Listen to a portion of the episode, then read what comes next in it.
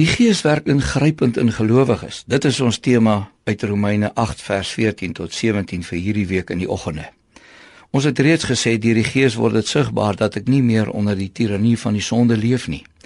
Die Gees laat my as kind van God bid in die tweede plek en in die derde plek deur die Gees weet ek dat ek op pad is na my erfposie. Die vraag wat by 'n mens opkom is Maar wat van al die lyding op hierdie aarde, in besonder die lyding wat die gelowiges moet deurmaak? Dit is mos nie net ongelowiges wat ly nie. Dit is al die gelowiges. Elke mens hier op aarde kry lyding in sy lewe of haar lewe. Soms is dit asof die gelowiges nog meer ly as 'n mens nou ook kyk na die vervolging wat deesdae plaasvind op gelowiges. 'n Mens sou oor die lyding van gelowiges natuurlik baie dinge uit die skrif kan sê. Maar kom ons hou ons by wat in hierdie gedeelte daaroor geopenbaar word. En dan lees ek vir die vers 17, veral die laaste deel van die vers. Ons is erfgename van God, erfgename saam met Christus en dan wil volg hierdie woorde. Aangesien ons deel het aan sy lyding, sal ons ook deel hê aan sy heerlikheid. Kom ons sê net weer mooi wat hier staan. Gees oortuig ons dat ons kinders van God is, ons wat waarlik in Jesus glo. En as die Gees jou so oortuig, dan weet jy ook dat jy saam met Christus 'n erfgenaam is. En nou kom staan jou lyding eintlik in 'n sekere konteks. Kom ek stel dit so. Jou lyding hier op aarde, as jy dan as gelowige ly en natuurlik nie as iemand wat oortree nie, maar as jy ly op hierdie aarde, dan maak jou lyding 'n voorspelling. Hoekom sê ek so?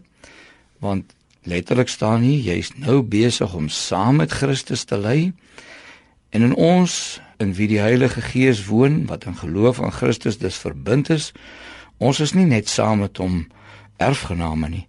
Ons lyding is ook aan hom verbind. En dan moet jy mooi oplet wat dan met hom gebeur het na sy lyding. Na sy lyding is hy verheerlik. Sy lyding het op verheerliking afgestuur. Gelowige, nou leef ons in die tyd van lyding waar daar baie lyding is. Maar omdat jy aan hom in geloof verbind is, stuur jou lyding ook op iets af. Omdat jy aan hom verbind is, stuur soos met hom jou lyding op verheerliking af. Jy sal saam met hom verheerlik word staan hier. Daar is vir gelowiges baie troos uit die Bybel wanneer daar lyding in hulle lewe kom. Maar hierdie vergeet ons baie keer, né, die heerlike troos. My lyding voorspel iets. Soos met Christus stuur ons lyding op heerlikheid af. Vader, U het die Gees aan U kinders gegee. Dankie vir sy kragtige werk in ons lewe. Gee dat ons hom sal volg waar hy ons lei, sodat sy werk duidelik sigbaar sal wees in ons lewe. Amen.